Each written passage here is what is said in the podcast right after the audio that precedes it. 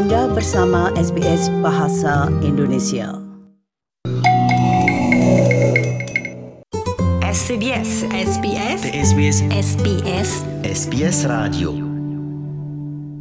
Nah, sebelum saya menyapa tamu kami yang berikutnya, saya ingatkan bahwa untuk dengar ulang untuk podcast atau dengarkan siaran kami sebelumnya, Anda dapat kunjungi situs kami di www.sbs.com.au garis miring Indonesian. Saya akan bergabung dengan Ibu Devangi Saputri Arifin dari Glintung Go Green. Selamat siang, Ibu. Selamat siang. Ibu Devangi, terima kasih sekali Ibu yang telah bergabung atau berkenan untuk berpartisipasi dalam program kami. Mungkin perlu kami kenalkan dulu Ibu bahwa Ibu adalah Direktur Humas Kelintung Go Green. Nah, Ibu kalau saya tidak keliru gerakan G3 atau Kelintung Go Green itu kan sudah dimulai sejak tahun 2012 ya Ibu ya? 2012 ya. Saya dari gotong royong hingga sampai 2014 kita udah mulai bangkit. Nah, itu tadinya kan artinya perintisnya itu kan Bapak Ketua RW yaitu Bapak Insinyur Haji Bambang Iya. Irianto ya Ibu ya. Mungkin Ibu dapat menjelaskan itu bagaimana itu asal iya. usulnya Glintung Go Green itu berkembang Ibu. Oke, jadi dulunya di tahun 2012 kampung Lintung itu adalah kampung yang kumuh dengan rawan banjir dengan tingkat masalah yang sangat banyak. Yang pertama adalah kampungnya yang kumuh tadi, tidak ada tanaman sama sekali, tidak ada penghijauan. Yang kedua, tingkat kriminalitas masyarakatnya juga tinggi. Berikutnya adalah kampungnya karena dia letaknya di bawah jalan raya, sehingga kalau hujan turun pasti banjir. Itu tepat Kemudian kampung hukum tadi itu tepatnya Bapak itu di, di mana itu Ibu? di Tepatnya itu Jalan Lejen Penapan Jalan 4 di Kota Malang. di Kota Malang tapi di dekat ini ya Ibu Di ya, Jalan di Kota di daerah kota kan itu ya. di kampung sih. Iya di kota iya di jalan provinsi arah kota masuk Malang gitu. Nah, Ibu kan Pak Bambang Irianto sendiri pun itu dengan gerakan Glintung Go Green-nya itu kan pernah menerima penghargaan dari Presiden Kalpataru atau apa begitu kan itu Ibu dan sebagainya itu. Kota Baru. Iya, dan Iya. sampai dengan sekarang ini sebelum ada Kota Baru itu, silakan Ibu. Nah, jadi sebelum dekat Kota Baru itu kita udah menang di Guangzhou Award Internasional. Jadi Urban Innovation itu kita sebagai water banking gerakan menabung air yaitu mengatasi banjir tadi itu. Nah, ini gerakan menabung air itu bagaimana secara ringkasnya Ibu?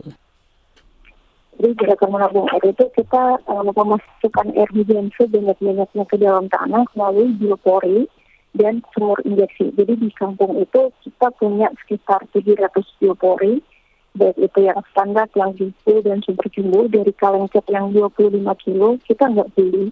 Jadi barang bekas kita gunakan untuk biopori buat ngerusakin air. Kalau yang sumur injeksi itu kedalamannya 5 meter kita punya 7.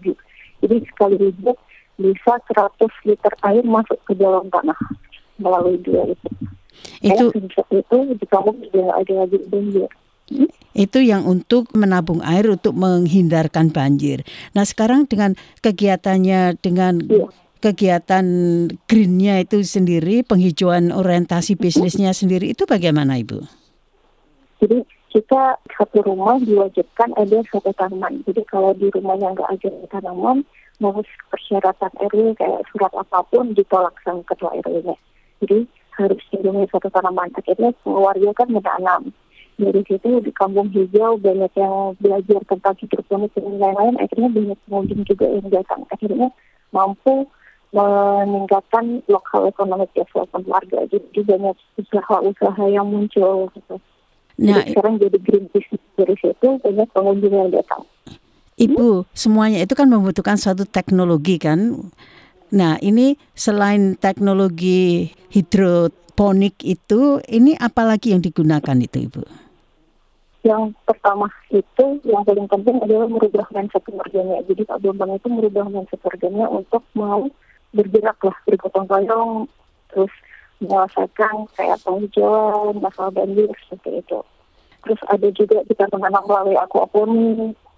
Nah, yang di biopori tadi itu kita masukkan sampah sampah daun-daun gitu, sampah basah, nantinya jadi kompos. Kita juga juga komposnya tadi. Ibu tadi mengatakan bahwa semuanya itu dilakukan melalui perubahan mindset. Memang tadinya pertamanya itu adalah bahwa para warga itu diwajibkan ya Ibu ya ibaratnya untuk menanam tanaman hijau itu tadi. Ya. Nah, kalau tidak tidak mau ya berarti kalau minta surat keterangan atau apa tidak diberi atau tidak diberi stempel dan sebagainya itu. Nah, itu kan untuk ya. orang dewasa dan mereka sudah mulai kan Ibu sudah eh, bukan sudah mulai artinya sudah sudah mematuhi begitu. Karena kalau tidak kan tidak akan berjalan dengan lancar, Ibu. Ya. Nah, sekarang bagaimana untuk kader ya, lingkungan ya. cilik itu sendiri, Ibu, untuk para remajanya itu, anak-anaknya itu? Oke, okay. kalau anak muda ini iya Kalau kader lingkungan cilik itu dari umur TK, SD, SMP, bahkan taruna itu kita butuh kader lingkungan cilik dengan mendapatkan SK dari Pak Lurah Kemudian kita kerjasama dengan universitas-universitas untuk mendidik mereka untuk seperti kayak menanam cara menanam itu bagaimana. Jadi mereka aware sama lingkungan. Di situ. Ibu, terima kasih sekali.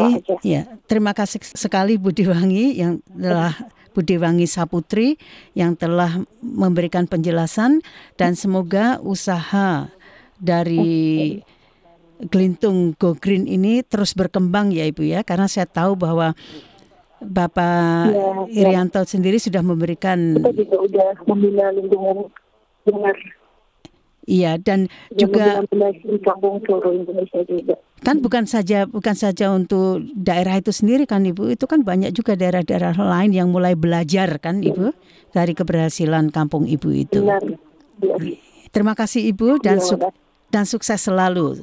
Nanti saya akan kembali menghubungi untuk mengetahui kegiatan-kegiatan yang lain Ibu di masa yang akan datang. Selamat siang Ibu.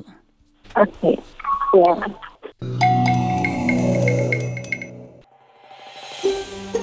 Anda ingin mendengar cerita-cerita seperti ini? Dengarkan di Apple Podcast, Google Podcast, Spotify, atau di mana pun Anda mendapatkan podcast Anda.